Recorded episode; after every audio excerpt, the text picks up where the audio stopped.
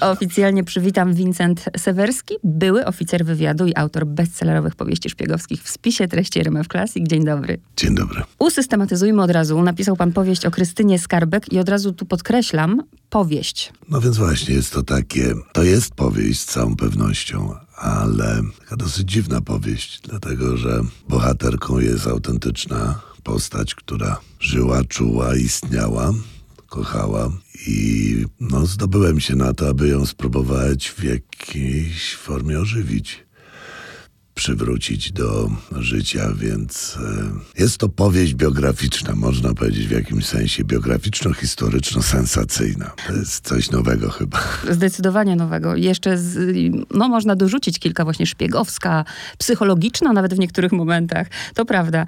Zrobiłam taki research i zapytałam kilku osób w swoim gronie w różnym wieku, czy wiedzą, kim jest Krystyna Skarbek. I co się okazuje, bo w szkole się w ogóle o niej nie uczymy, mm, więc ta, ta, wiedza, nawet ludzi, którzy mm, mają dużo lat, była taka, ach tak, tak, to była agentka, ulubiona agentka Churchilla. I na tym się kończyło. Dlaczego my tak mało wiemy? Powiedzmy, kim jest Krystyna Skarbek. A no właśnie. Dlatego napisałem tę książkę. Dlatego, że Krystyna Skarbek funkcjonuje w przestrzeni takiej medialnej, czy, czy, na, czy dzisiaj wirtualnej, jako postać, którą się kojarzy bardzo krótko ulubiona agentka Churchilla, pierwowzór Vesper z Casino Royale, kochanka, czy mm, prawdopodobnie kochanka Ayana Fleminga. Ale kiedy się właśnie rzeczywiście kogoś zapyta, że a co tak naprawdę wiesz o Krystynie Skarbek, to okazuje się, że trochę stereotypów, trochę mitów, trochę przekłamań. Wszyscy wiedzą, że oczywiście była piękna, inteligentna, że była Polką i agentką. Dlatego napisałem tę powieść, dlatego że to jest postać warta przybliżenia szerszej publiczności, dlatego że to, to wspaniała postać naszej historii, w ogóle historii współczesnej. Przy czym trzeba zaznaczyć, że Krystyna Skarbek nie była jedyną Polską agentką tamtego czasu. Były też inne panie. Nawet można powiedzieć, że niektóre dużo bardziej zasłużone w walce z faszyzmem i zwycięstwu w II wojnie światowej, jak Halina Szymańska, która kontaktowała Kanarisa, działała w Szwajcarii, tam mieszkała w czasie wojny i także inne panie. Natomiast Krystyna Skarbek to jest postać dosyć specyficzna na tym tle innych agentek, dlatego że tak naprawdę Krystyna Skarbek urodziła się dopiero 15 czerwca 52 roku, Dokładnie. czyli wtedy, kiedy zginęła. Do tego czasu Krystyna Skarbek ścieliła łóżka na statkach, podawała herbatę w klubie polskim i tak na dobrą sprawę nikt nie wiedział. Albo niewielkie grono ludzi naprawdę wiedziało, kim jest i co robiła. I właśnie od tej śmierci pan zresztą zaczyna swoją książkę. Myślę, że to nie jest spoiler, jak to powiem, bo ta śmierć była no, o niej wszędzie pisano, była bardzo głośna i ja tu muszę zapytać od razu, nie wiem, czy pan odpowie na to pytanie, ale też mi się jakoś wierzyć nie chce, że w ogóle mówienie o prawdzie w przypadku agentki to jest bardzo trudne pytanie, bo co jest prawdą w życiu szpiega? A no właśnie i to jest... E ta najciekawsza strona tej historii, że my o niej tak naprawdę, jeśli chodzi o jej pracę jako agentki, a w sumie bardziej oficera wywiadu brytyjskiego, my tak naprawdę bardzo mało wiemy, a właściwie nic nie wiemy. Tylko strzępy informacji pojawiają się. Wszystko to, co funkcjonuje w mediach, w publikacjach, w jej biografiach w większości dotyczyło wspomnień jej współżyjących, ale dotyczących jej działalności w SOE, czyli Special Operations Executive, który nie był wywiadem, tylko dywersją i zupełnie czymś innym. Główna rola Krystyny Skarbek i najważniejsza, ta, którą odegrała w czasie wojny, to była praca dla MI6, dla wywiadu brytyjskiego. I o tym nie wiemy nic, dlatego że jej archiwa, jej akta są wciąż tajne. Jak już padło to słowo SOE, to żeby też usystematyzować ludziom i jeszcze to bardziej przybliżyć, y, do czego porównać SOE? No to można powiedzieć tak jak GROM, prawda? Dzisiaj jednostka GROM i Agencja Wywiadu. Mhm. SOE to była jednostka dywersyjna zajmująca się działaniami dywersyjnymi na tyłach wroga. Brytyjska powstała w 1940 roku i generalnie rzecz biorąc strukturalnie nie miała nic wspólnego z wywiadem brytyjskim, aczkolwiek wywiad ją oczywiście zasilał informacjami do poszczególnych zadań, ale to były dwie zupełnie różne instytucje, różne metody, różne kierunki działania. Dla mnie fascynujące jest to, że mogę rozmawiać z byłym oficerem wywiadu, który napisał książkę o agentce wywiadu i zadać to pytanie, bo co innego, kiedy ktoś, no nie wiem, pisze biografię opierając się o inne materiały, jakieś źródła, o tym, wokół czego pan pisał tę książkę, to też do tego dojdziemy, ale chcę zapytać, że pan jako przecież były oficer wywiadu, czy pan wierzy w to, że osoba, która, która świetnie posługiwała się nożem, czy to jest w ogóle możliwe, żeby w taki sposób zginęła, że kochanek, prawda, zadaje jej cios nożem? To, to chyba wydaje mi się to w ogóle niemożliwe. To musiała być jakaś grubsza sprawa. A widzi pani, pani też się złapała na ten nóż. Krystyna Skarbek nigdy nie nosiła noża. Tak? Czyli to, to też jest mit? Oczywiście, że to jest. nigdy nie nosiła noża, nigdy nikogo nie zabiła i wcale nawet nie miała takich um, inklinacji, chociaż wojna była. E, to też jest mit dorobiony właśnie z chwilą jej śmierci, kiedy narodziła się medialna postać Krystyny Skarbek. E, prawdopodobnie Churchill też o niej nic nie wiedział, a romans z Janem Flemingiem jest też mocno wątpliwy. To są wszystko fakty, które zaczęły rosnąć jak grzyby po deszczu po jej śmierci.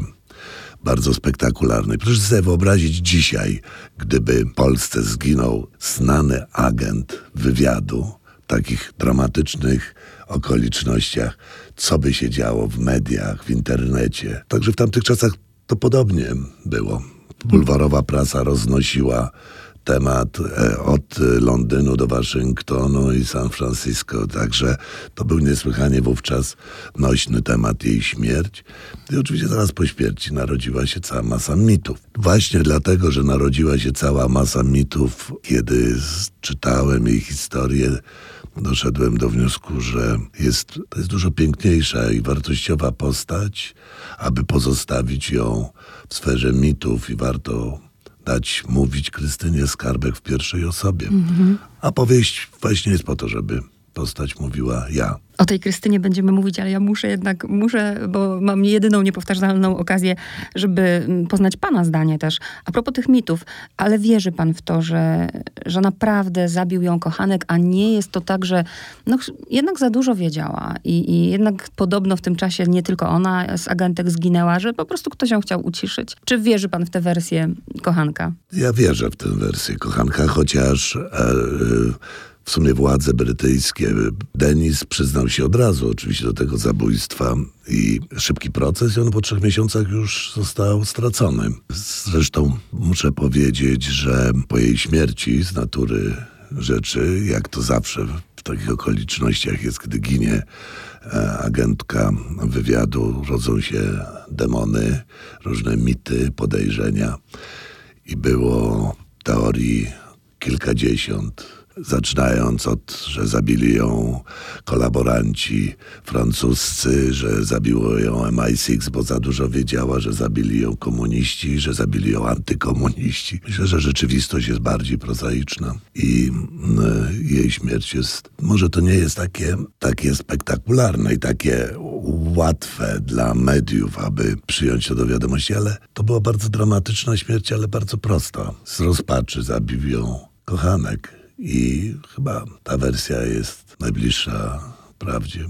Też smutna. Ona była, mhm. tak, ona prawdopodobnie była, nawet nieprawdopodobnie, bo myśmy dokonywali z Piotrem Niemczykiem, który był moim partnerem podczas pisania tej książki i konsultantem i dokonaliśmy bardzo głębokiej, w zasadzie Piotr dokonał bardzo głębokiej analizy wszystkich faktów z jej życia, na podstawie których ja to przerobiłem na prozę, więc, ale także konsultowałem z moimi kolegami, koleżankami ze służby.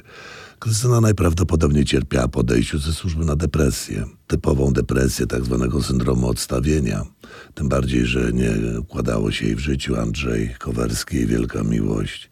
Nie chciał założył już nową, można powiedzieć, rodzinę. Ona z trudem nie mogła się z tym pogodzić i, i błądziła. Denis Maldoney, który ją zabił, był takim w sumie przypadkiem. Albo jak próbuję to wyjaśnić, może nawet celowo go sprowokowała, aby dokonał tego dramatycznego gestu. Zaczęliśmy od końca, ale, ale, ale dobrze, bo, bo też y, miała depresję. Ja się na przykład nie dziwię. Byłam zaskoczona bardzo, jak wywiad Ale brytyjski. ta śmierć ją stworzyła przecież. No dopiero. tak, z jednej strony tak, ale też jak, y, nie wiem, czy to tak działa i nie znam się, dlatego się pytam, bo jestem zaszokowana informacją, że wywiad brytyjski w taki sposób jej podziękował, dając 100 funtów, gdzie musiała później właśnie zarabiać w hotelach czy jako kelnerka. Czyli krótko mówiąc, wycisnęli jak cytrynę i wyrzucili. Nie przesadzajmy, to jest też taki... e, Też mit? To nie jest mit, to jest prawda, ale prawda nie tylko jej to dotyczyło. Po wojnie bardzo wielu żołnierzy, oficerów wywiadu również. Na przykład Ian Fleming też był oficerem wywiadu czasu wojny i w 1945 odszedł ze służby, został zwolniony. E, Bardzo wielu żołnierzy czy oficerów tak zwanych czasów wojny po jej zakończeniu zostało zwolnionych. To prawda, że nam się wydaje takie, prawda, no trudno to zaakceptować, że taka wspaniała postać, tak zasłużona, odznaczona, ale proszę pamiętać, że w tym czasie bardzo wielu y, ludzi, y, którzy byli czynni w czasie wojny, musiało odejść. Naszych generałów, oficerów również. Problem był w tym, że Anglicy, którzy odchodzili, byli u siebie. E, Krystyna Skarbek wciąż zostawał, była na emigracji. Nie, był, nie miała swojego domu. To wyglądało zupełnie, jeśli chodzi o naszych żołnierzy i naszych e, e, szpiegów, jak by to nie zabrzmiało kolokwialnie, no, byli wciąż na obczyźnie, więc im to dużo trudniej było znieść. Ale to samo dotyczyło i Haliny Szymańskiej, Klementyny Mańkowskiej e, i wielu innych osób. Jeszcze dwie rzeczy a propos właśnie obalania tych mitów mnie bardzo interesują. Pierwsza to jest taka, że też czytamy, że Skarbek po prostu wyjechała do Anglii i zgłosiła się do wywiadu, chce dla was pracować, co się wydaje absolutnie niemożliwe. Dotarłam gdzieś do jakichś źródeł, ich nie ma wprawdzie w pana książka, w książce, ale że, że ona tak naprawdę w tym wywiadzie to już działała w 1939 roku. I też są różne drogi, że ktoś ją zauważył, że świetnie jeździ na nartach, a z drugiej strony, że przez męża, który był w wywiadzie. Jak to było, żeby się dostać do wywiadu? To, to, to no nie było tak, że sobie poszła i powiedziała, chcę dla was pracować. A no właśnie, Piotr, który dokonał głębokiej analizy jej faktów z jej życia, w taką w sumie najbardziej wartościową kwintesencją jego pracy jest to, że w zasadzie o Krystynę Skarbek nic na pewno nie wiemy. Nawet data jej urodzenia nie jest taka Tak. pewna. A Co więcej, ona sobie zmieniła też, jak wiadomo, Na korzyść. odmłodziła się o 7 lat, co zresztą jest takim uroczym fragmentem Tak. jej życia, bo kiedy była związana z Andrzejem Kowerskim, Andrzej był od niej młodszy. Kiedy odmłodziła się o 7 lat, Andrzej stał się nagle starszy od niej, także to była tak, tak... Natomiast tak naprawdę do końca nic nie wiemy o niej, dlatego że cała biografia Krystyny Skarbek, jej historia zaczęła się, zaczęła być tworzona, zaczęto zbierać fakty dopiero po jej śmierci, a więc ona sama nie mogła nic zweryfikować. I często wiemy, te fakty poznajemy z mało wiarygodnych źródeł, e, z, em, jest wiele przekłamań w tym, wiele mitów, wiele prób zaistnienia przy tej postaci, także innych osób. Tak krytycznie oceniamy pamiętniki hrabiego Włodzimierza Leduchowskiego na przykład, który twierdził, że, że żyli w trójkącie z Andrzejem Kowerskim i z Krystyną Skarbek. To jest nieprawda. Ona była bardzo silnie związana z Andrzejem i nie ma mowy tutaj o marzeniach hrabiego, aby tak się stało. Więc e, jej życiorys jest bardzo trudny do zbadania. Oczywiście to dla mnie, jako dla autora, jest cudowna sytuacja, bo to jest licencja poetyka. No właśnie. Ale są też fakty, które są potwierdzone, które w, z wielu źródeł do nas dochodzą i na podstawie tych faktów próbowaliśmy odtworzyć prawdziwą historię Krystyny Skarbek. A ostatnia Która rzecz. jest dużo lepsza niż, Niż naszym tak. zdaniem, niż ta, która krąży. Ja już zaraz przejdę do, do, do tego, do akcji pana książki, ale jeszcze ta jedna rzecz, która mnie nurtuje. Podejrzewam, bo ona jest opisana w książce i to jest w ogóle świetny wątek, bo pan pokazuje tę Krystynę jako taką pełnokrwistą kobietę, kobietę inteligentną, piekielnie inteligentną zresztą, ale też mam wątpliwości, czy to jest możliwe. Chodzi mi o moment zatrzymania Krystyny i Andrzeja przez gestapo w Budapeszcie i moment właśnie. przegryzienia sobie przez nią języka i tego, że kłamie, że ma gruźlicę i oni ją wypuszczają. Czy to w ogóle jest możliwe? Trafiła pani w samo sedno. To jest, notabene to jest punkt, zdarzenie w jej życiu, historia, która w dużym stopniu robi tak zwaną, no ujmijmy to tak e, troszkę e, ironicznie, robi tą Krystynę Skarbek medialną. Dlatego, że od tego zaczyna się jej wielka historia, prawda, od aresztowania przez Gestapo. Do tej pory działają w Budapeszcie razem z Andrzejem i dopiero to aresztowanie przez Gestapo jest takim momentem zwrotnym w jej karierze szpiegowskiej, no bo ona wtedy musi być szybko wycofana z Budapesztu. Y, przewozie, przewo Brytyjczycy ją przewożą w bagażniku ambasadora limuzyny do Belgradu. Tutaj jest e, dalej moja historia, ale właściwie to sama pani sobie odpowiedziała na to pytanie. Czyli nie. Czy gestapo mogło się nabrać na, na gruźlicę i wypuścić osobę, która była ścigana, ścigana była w generalnym gubernatorstwie, gdzie były listy gończe za nią, gdzie gestapo znało jej fałszywe tożsamości. I nagle gestapo przestraszyło się e, gruźlicy, a co więcej, że się powołała na, że jest rodzina admirała Hortiego. No cóż, dobra, bo tak. I ją gestapo puściło. Jeszcze, żeby się smutno nie czuła, to jeszcze Andrzeja puściło. Tak, no tak. No więc e, oczywiście, że jest to niewiarygodne. Za tą historią musi się kryć coś innego. Tak. Ona rzeczywiście była, oni byli oboje aresztowani przez gestapo w Budapeszcie, przetrzymywani w, tajnym, w tajnym więzieniu, ale ich, z ich wypuszczeniem na pewno wiąże się inna historia niż udawanie gruźlicy.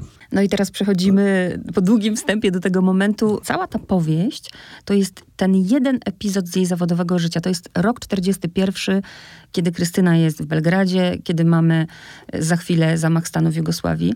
Dlaczego? Dlatego, że to od tego zaczyna się w sumie jej wielka historia. Od tego momentu zaczyna się jej wielka kariera jako agentki, która ma wpływ na losy tej wojny. W sumie biografowie i, i także wywiad brytyjski podsumowuje jej pobyt, który w sumie też dokładnie nie wiemy, ile czasu trwał w Belgradzie. Czy nie ma pewności, czy to był tydzień, czy to były cztery tygodnie. Ale jej pobyt w Belgradzie podsumowują, podsumowuje się w ten sposób takim jednym zdaniem. Krystyna Skarbek prawdopodobnie miała poważny udział w przygotowaniu i przeprowadzeniu zamachu stanu w Jugosławii w kwietniu 1941 roku. I w sumie za tym zdaniem kryje się cała piękna historia, te trzy dni, które ja oczywiście, to jest fikcja literacka. Mm. Ja to opisuję, jak to mogło wyglądać, te trzy dni z jej życia, na tle wydarzeń historycznych i faktów, które wówczas miały miejsce. Tym bardziej, że wówczas Belgrad był, można powiedzieć, przez te kilka tygodni światową stolicą szpiegostwa. Tam się zjechali Rosjanie, Niemcy, Brytyjczycy, Turcy, Włosi. Choć do tej pory Jugosławia nie odgrywała żadnej szczególnej roli w ich polityce, a nagle stała się języczkiem uwagi. Dlatego, że ten zamach stanu, którym w sumie tak mało się wie w Polsce, szczególnie przy naszym wojennym polonocentryzmie, jakoś nie dostrzegamy tego faktu. Odegrał ogromną rolę, bo, bo Jugosławia poświęciła się w pewnym sensie, dokonując tego zamachu stanu, aby wciągnąć Hitlera w wojnę i opóźnić atak na tak. Związek Radziecki, a także obronić brytyjskie interesy w Grecji. Historycy niektórzy mówią, że gdyby, gdyby tego nie było, no to nie opóźniłoby to właśnie ataku e, Niemców na Rosję i wojnę by Hitler wygrał na 100%. No z całą pewnością przecież Niemcy nie byli szaleni, wiedzieli, co zrobił Napoleon, jaki błąd. Mhm. I plan był oryginalny ataku na wiosnę. Mhm. No więc gdyby to było na wiosnę, Stalin jeszcze nie był gotowy na wiosnę, w ogóle nie był gotowy do wojny. Prawdopodobnie wojna by krótko potrwała ze Związkiem Radzieckim. Losy świata mogłyby się inaczej potoczyć. Co mnie ujęło też, bo no nie chcę też zdradzać, więc nie będę spoilerować, jakim tam pan chwytem zaczyna tę książkę. I później, kiedy zaczął się rozdział, prawda, w gabinecie Stalina, to sobie pomyślałam, oho, będzie to powieść historyczna, już się wystraszyłam trochę. A później tak mnie to wciągnęło, bo to jest opowieść o ludziach, o odwadze, o miłości, o pięknej miłości, prawda, Krystyny Skarbek, która z jednej strony jest agentką rozpracowującą wszystkich, a z drugiej tak cudownie kochającą, prawda, Kowerskiego, który jest inwalidą. Opis tej miłości. No, pokazał pan tu też jakby tą swoją stronę taką psychologiczną, socjologiczną i chcę zapytać, jak się pan do tego przygotowywał? Czy, czy jak wyglądała praca nad tą książką? To znaczy ja postać Krystyny Skarbek zgłębiałem od lat. Czytałem wszystko, co się ukazywało na jej temat. Dużo rozmawiałem z kolegami, koleżankami dokonywałem, jakby może być, ba, rozpracowania operacyjnego Krystyny Skarbek. I zawsze od początku byłem zachwycony tą postacią. Natomiast kiedy zapadła decyzja, że wydajemy, że będę pisał powieść. Tak zawsze miałem chęć coś napisać na jej temat oczywiście, ale nigdy to nie kończyło się jakimś takim silnym imperatywem każącym napisać książkę mi. Natomiast kiedy w końcu dogadaliśmy się z wydawnictwem, że będę to robił, to powróciłem do literatury i wszystkich materiałów, które na jej temat miałem i zacząłem po prostu chciałem spróbować spojrzeć na nią przede wszystkim jak na człowieka. Mniej na te fakty historyczne i to tło historyczne, w którym ona uczestniczyła, to jak gdyby miałem w sobie, a po drugie to był temat głównie dla Piotra Niemczyka do rozpracowania. Ja wziąłem na siebie tą stronę liryczną tej historii i zawsze mnie, na przykład to, co pani wspomniała, niesłychanie mnie interesowała, interesował jej związek z Andrzejem Kowerskim, bo to jest w dużym stopniu ta historia, w sumie piękna historia miłości ich, takiej wojennej miłości, jest zaprzeczeniem mitów właśnie, jakie o niej krążyły, że jest niemalże modliszką, nimfomanką. Jeszcze gorsze bywały określenia. A wiem, że szpieg tak nie działa, jak się często ludziom wydaje, zwykłym. A też właśnie o to chciałam zapytać, bo jednak kobieta, agent, no to często ugrywa no różne interesy przez łóżko. A no właśnie, to się tak utarło przez Matehari, która nawet do końca nie była świadoma, że jest wykorzystywana przez, przez wywiad. E, tak właśnie nie jest, dlatego że e, prawdziwy szpieg e, nie wchodzi w relacje intymne, a w zasadzie albo inaczej powiedzmy, nie powinien wchodzić, dlatego że to burzy e, strukturę pewnej pracy operacyjnej. Od tego są inne kobiety, takie jak Olga w mojej powieści. Mhm. Dlatego stworzyłem coś w rodzaju alterego Krystyny. To jest fikcyjna postać, Olga, ale to jest e, alterego zaprzeczenie, pokazanie e, jak to wygląda od drugiej e, strony, ten, ten element intymności, czy no powiedzmy wprost seksu w pracy wywiadu.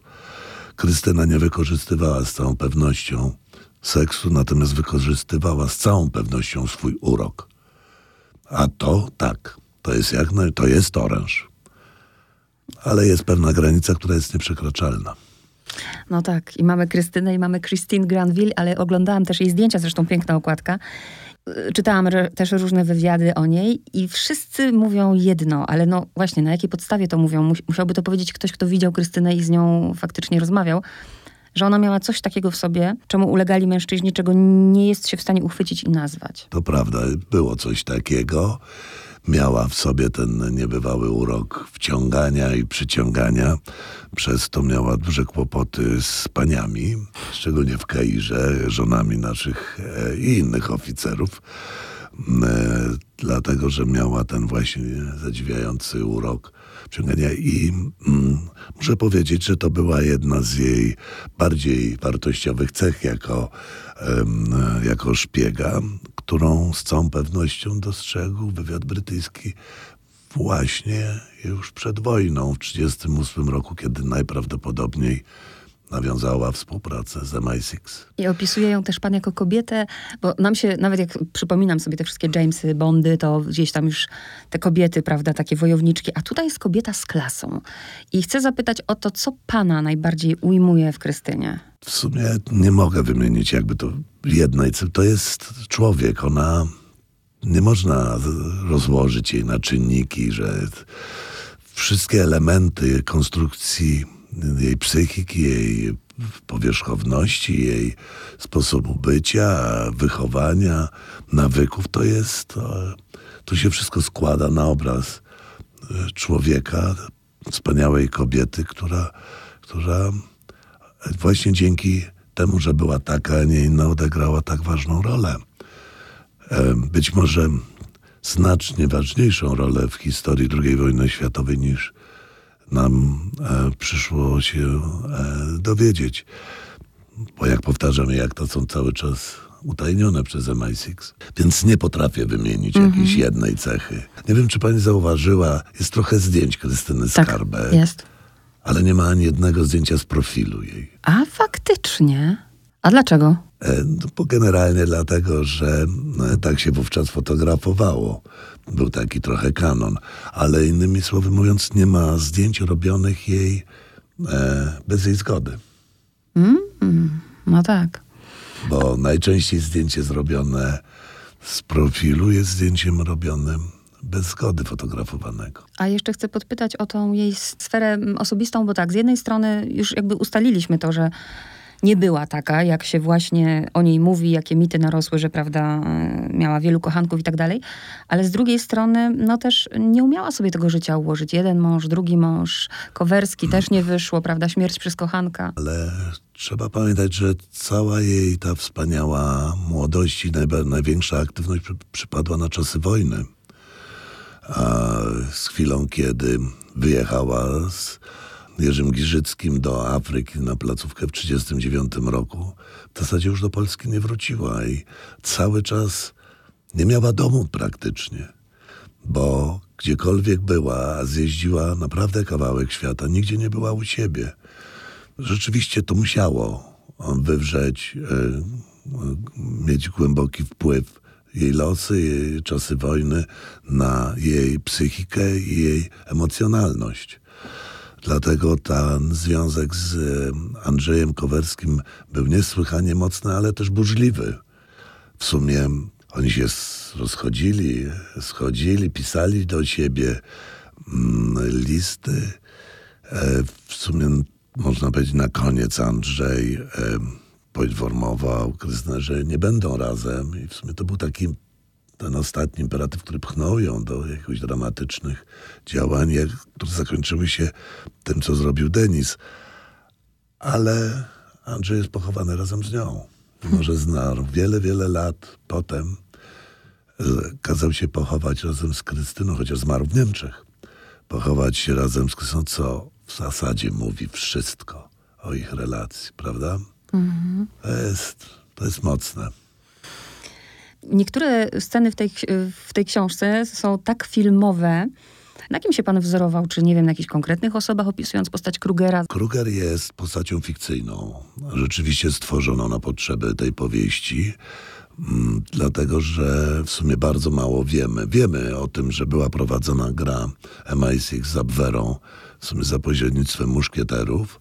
Co do tego nie ma najmniejszej wątpliwości. W, I w tej grze Krystyna uczestniczyła jako jedna, jedna z głównych, nie, nie tylko ona, bo, bo e, była też, była, była mm, e, też pani Mańkowska, Klementyna, która również była podwójną agentką e, Abwery i MI6 i też w środowisku muszkieterów.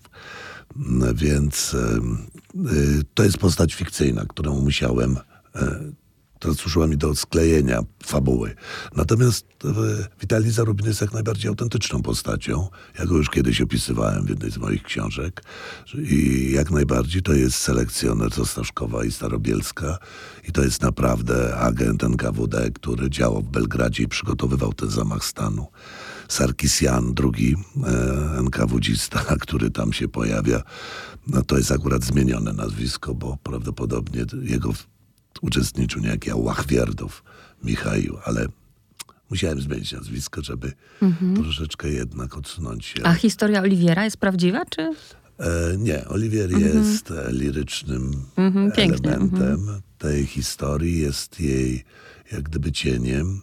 Je, jak gdyby chciałem wprowadzić w taki sposób, nawet jak gdyby to on opowiadał całą tą historię. Od tego, zaczyna się od Tak. jego opowieści i w sumie kończy się e, na jego, no nie będę... Tak, ale tak, tak, tak. Kiedy kończy się cała ta intryga, historia, ostatnie słowo wypowiada również Oliwier, czyli Louis.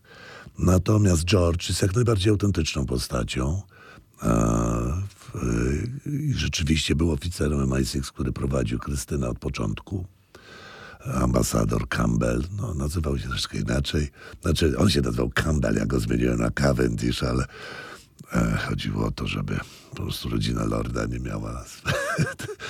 Może. No i jeszcze chcę podpytać o tę rzeczywistość 41 roku, no bo to trzeba mieć ogromną wiedzę, żeby ją umieć odwzorować. To też było, nie wiem, mnóstwo przygotowań do tego chyba, prawda?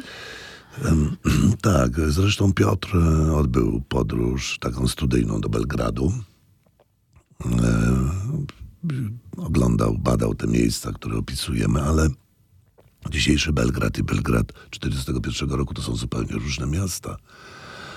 E, bardzo dużo pomogła mi moja przyjaciółka serbka Anna, której stąd bardzo serdecznie dziękuję za pomoc, dlatego że mm, e, trzeba powiedzieć, Belgrad e, właśnie na skutek działań Krystyny i tego zamachu stanu i całej tej sytuacji, która miała wówczas miejsce, został zbombardowany przez trzy dni przez Luftwaffe za karę Hitler dokonał zemsty na Belgradzie i przez trzy dni to miasto było równane z ziemią e, przez setki niemieckich bombowców w kwietniu 1941 roku. I mm, więc to nie jest to samo miasto. Nawet się ulice inaczej nazywały. Ono miało zupełnie inną strukturę niż jest dzisiaj. Więc to było naprawdę nadzwyczaj trudne zadanie, aby e, stworzyć teatr e, tamtych czasów i postawić na nim aktorów. Mhm. I dwie kwestie jeszcze, do, bo już padło dwa razy imię i nazwisko Piotra. Y, doczytałam, że to taki łącznik z Krystyną Skarbek. A no właśnie. Tak. Jest to tak, można powiedzieć, no symboliczny e, moment, bo Piotr, który, który śmiało, mogę powiedzieć, że jest współautorem tej książki, jego dziadek, e, Stanisław Cat-Mackiewicz, był ostatnią osobą, która widziała Krystynę Skarbek żywą, bo to on ją odprowadzał krytycznej nocy do hotelu Shelbrun, gdzie Denis ją zasztyletował. A, więc Piotr, jak mi jak e, twierdzi dziadek, e, też uważał, że łączyły go jakieś szczególne związki z Krystyną, dlatego odprowadzał ją o trzeciej w nocy do hotelu, ale Piotr twierdzi, że na ile zna swojego dziadka, to nie, wie, nie, nie dałby mu jednak do końca wiary. A panowie znaliście się wcześniej, czy przy książce się poznaliście? Nie, nie znamy się oczywiście aha, wcześniej. No i na koniec, no też, y, ile mitu, ile prawdy, ale to jest fascynujące, jak się mówi, że to Krystyna Skarbek stała się inspiracją dla Jana Fleminga, żeby stworzyć dziewczynę Bonda. Nie ma co do tego żadnej pewności, ale niech tak zostanie. Akurat ten element mitu Krystyny jest fajny. Bardzo dziękuję